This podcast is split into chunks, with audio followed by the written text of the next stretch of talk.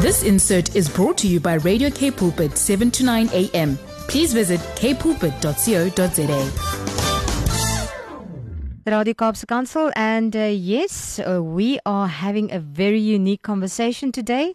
And on the line, I have Dawn McGlover, manager of the Two Cheetah Outreach. And stay tuned because we're also going to be introduced to a cheetah gentleman, and you will be able to hear him purr. Dawn, this is really a treat. How are you? And thank you so much for your time today. Absolute pleasure. well, the Che- Cheetah Outreach used to be at Spier, and now you have relocated to Somerset West. And obviously, it's um, it's it's a far better environment for you and your cheetahs. And I've actually visited you, and I also like the the space um, far more. But let's look at how this wonderful outreach came to be. Well, Cheetah Outreach was established over 25 years back from a lady who was working in the clothing industry, met an orphan cheetah cub, learned what was happening to these animals in the wild, and wanted to make a difference, wanted to raise their profile and get people involved with uh, cheetah conservation and learning more about this animal. At that stage, the cheetah was more endangered than both the rhino and the elephant, but nobody knew about them. They weren't profiled anywhere as an endangered species. Well, thank goodness she she um, uh, that came to her attention. Otherwise, we probably would have lost the whole species. What is our Yeah. current um, species population then at the moment? We're looking at, on average, about 6,600 worldwide Oh. left.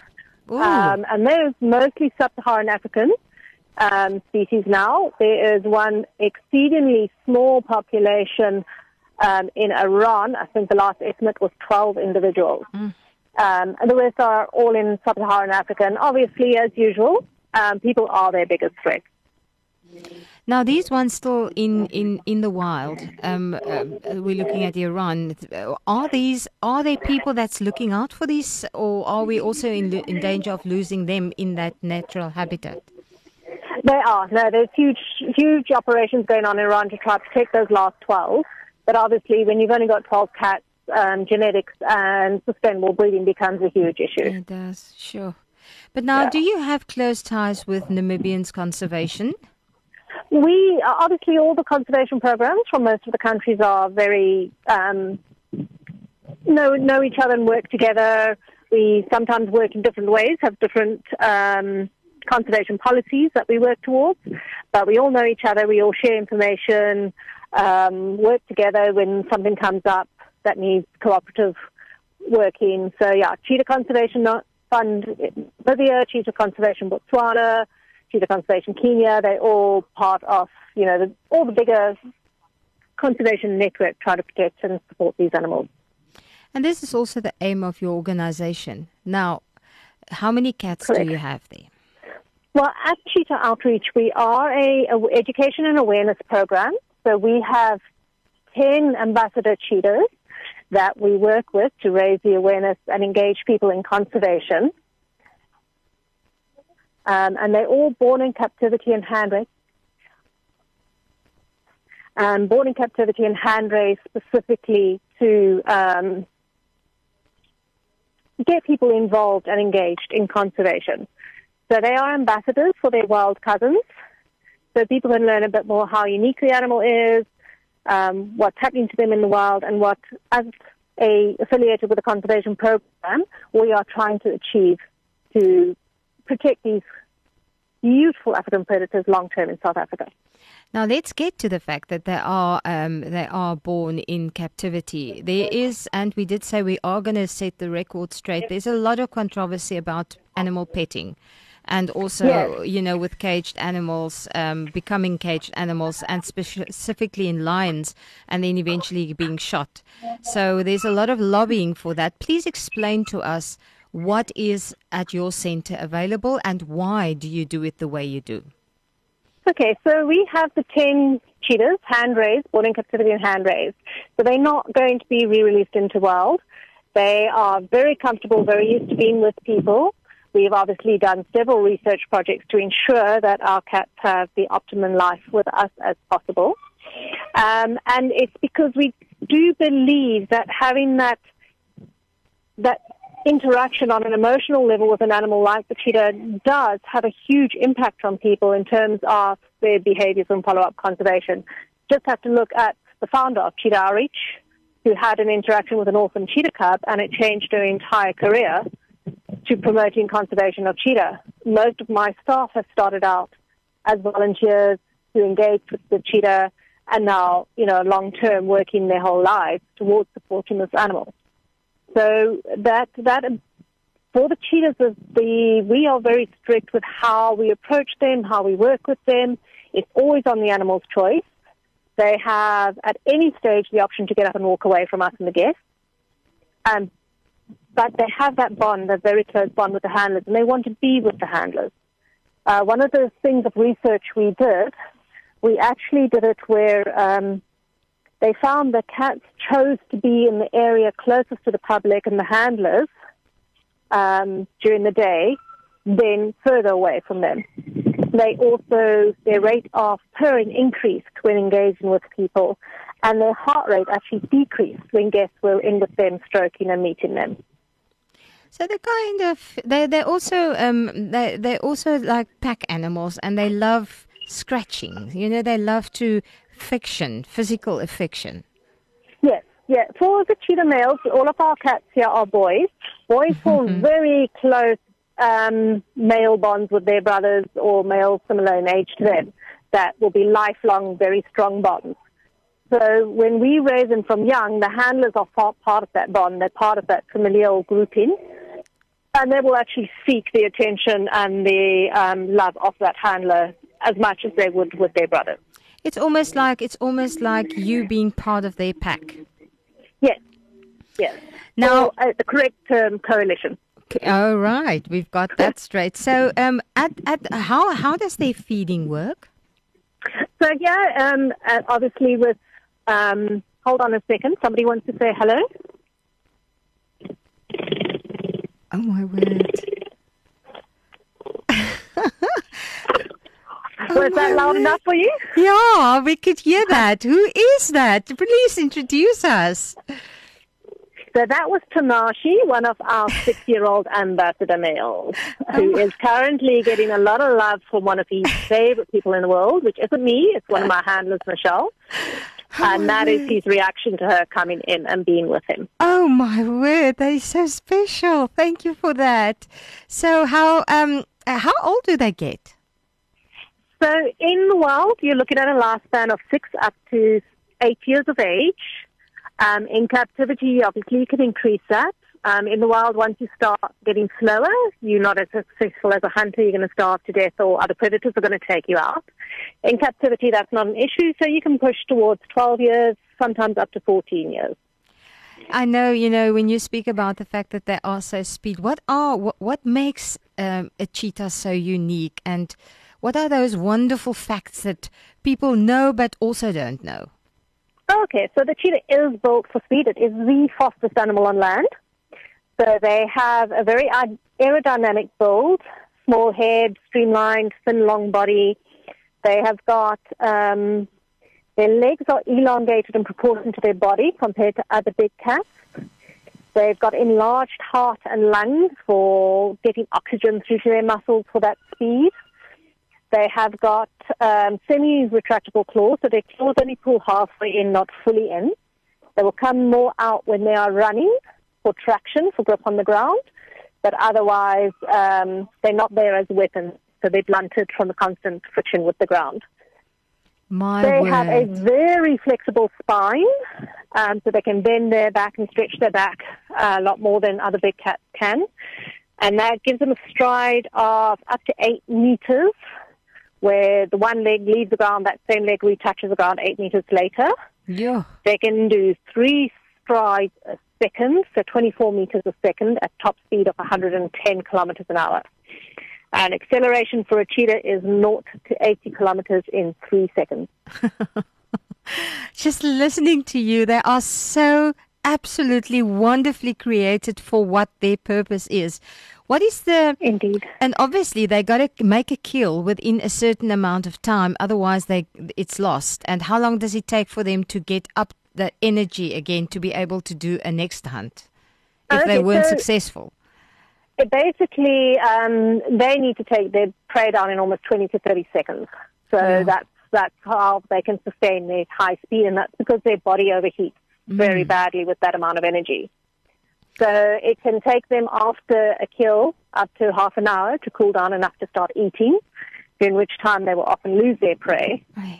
Um, you know, and then as soon as they cool down properly, depending on obviously winter or summer, that will take different times. Um, they can hunt again, so they can hunt, you know, twice a day if need be. Also, depending on the size of the kill, if they only get a rabbit in the morning, they're going to hunt again that afternoon.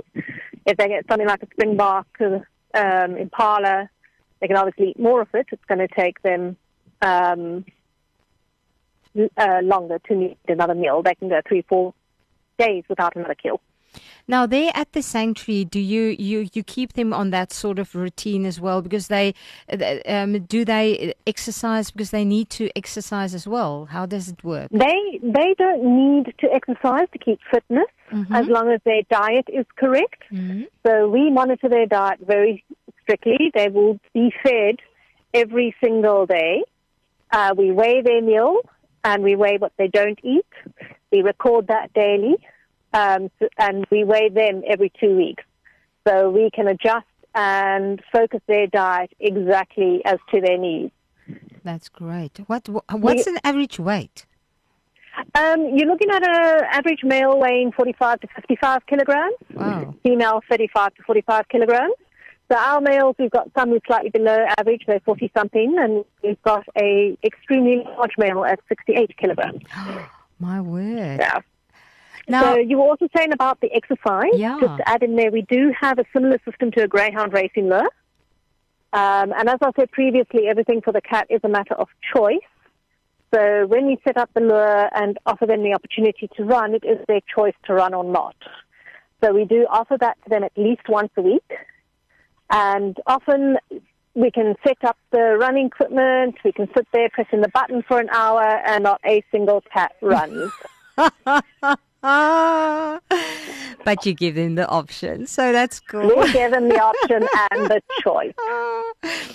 So you get to know their mannerisms, um, individual characteristics, um, just a few that perhaps stand out. So, you know, they're all different.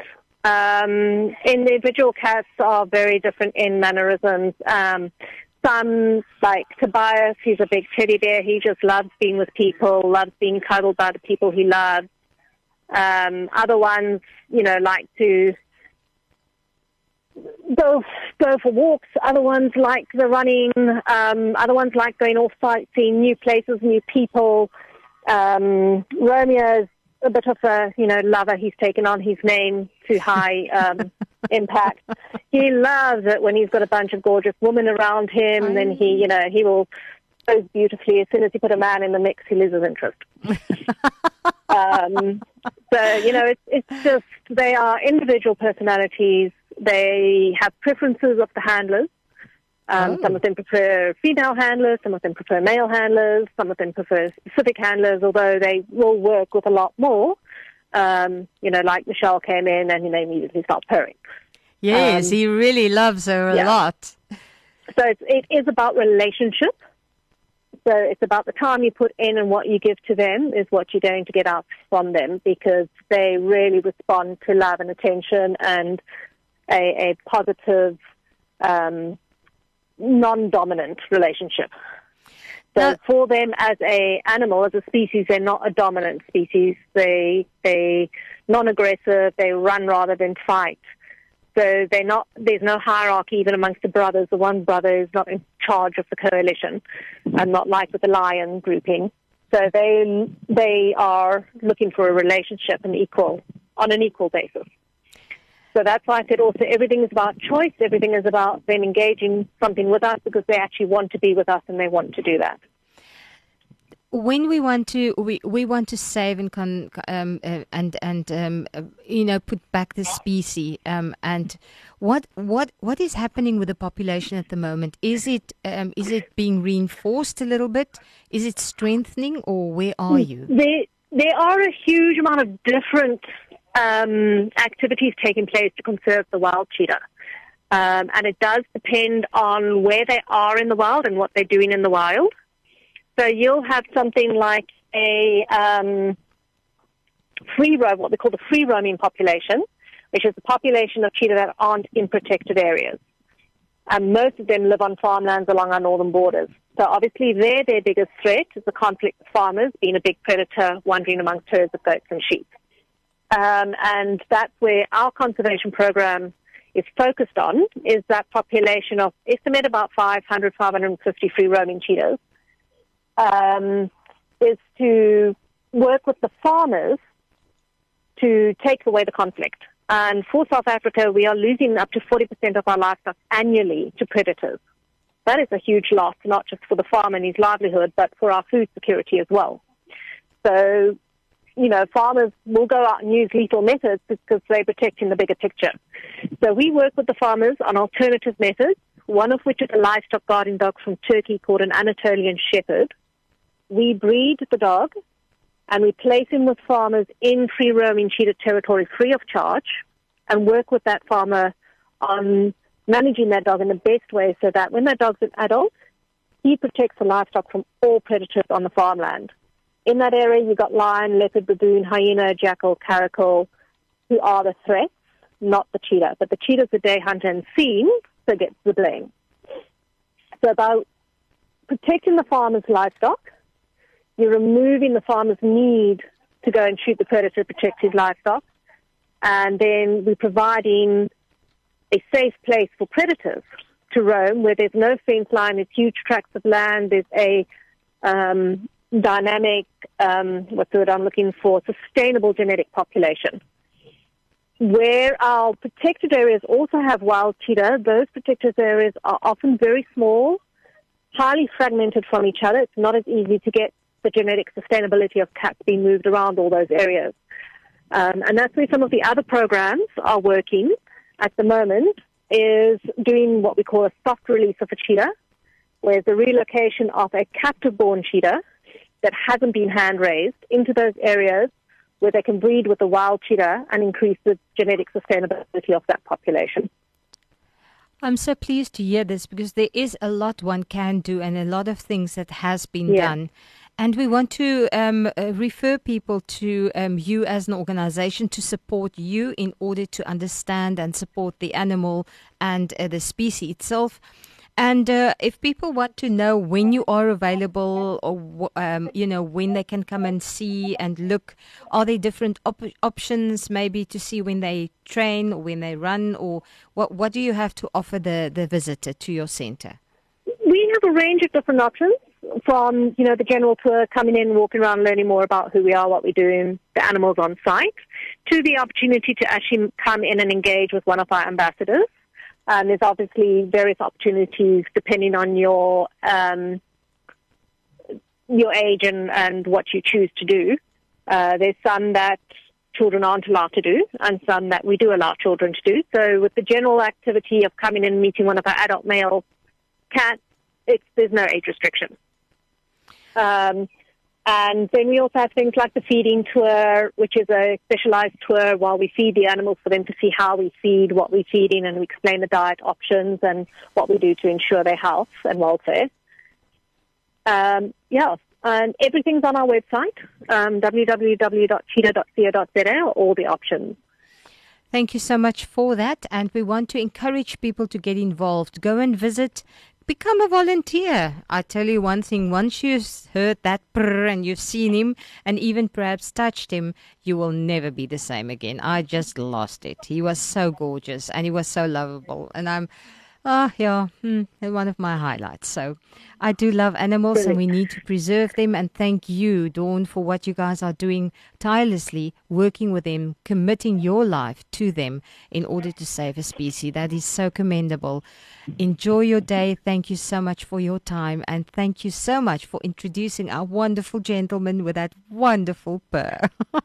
I, it is, and that makes every day with well, when you hear that purr. So mm. it's a pleasure for all of us here Absolutely. to be able to engage and work with these animals. And thank you so much for giving us the opportunity to highlight what we are doing. Amazing work you do. Take care and have a lovely afternoon. you too. bye bye. Thank you. Bye bye. This insert was brought to you by Radio K Pulpit, 7 to 9 a.m. Please visit kpulpit.co.za.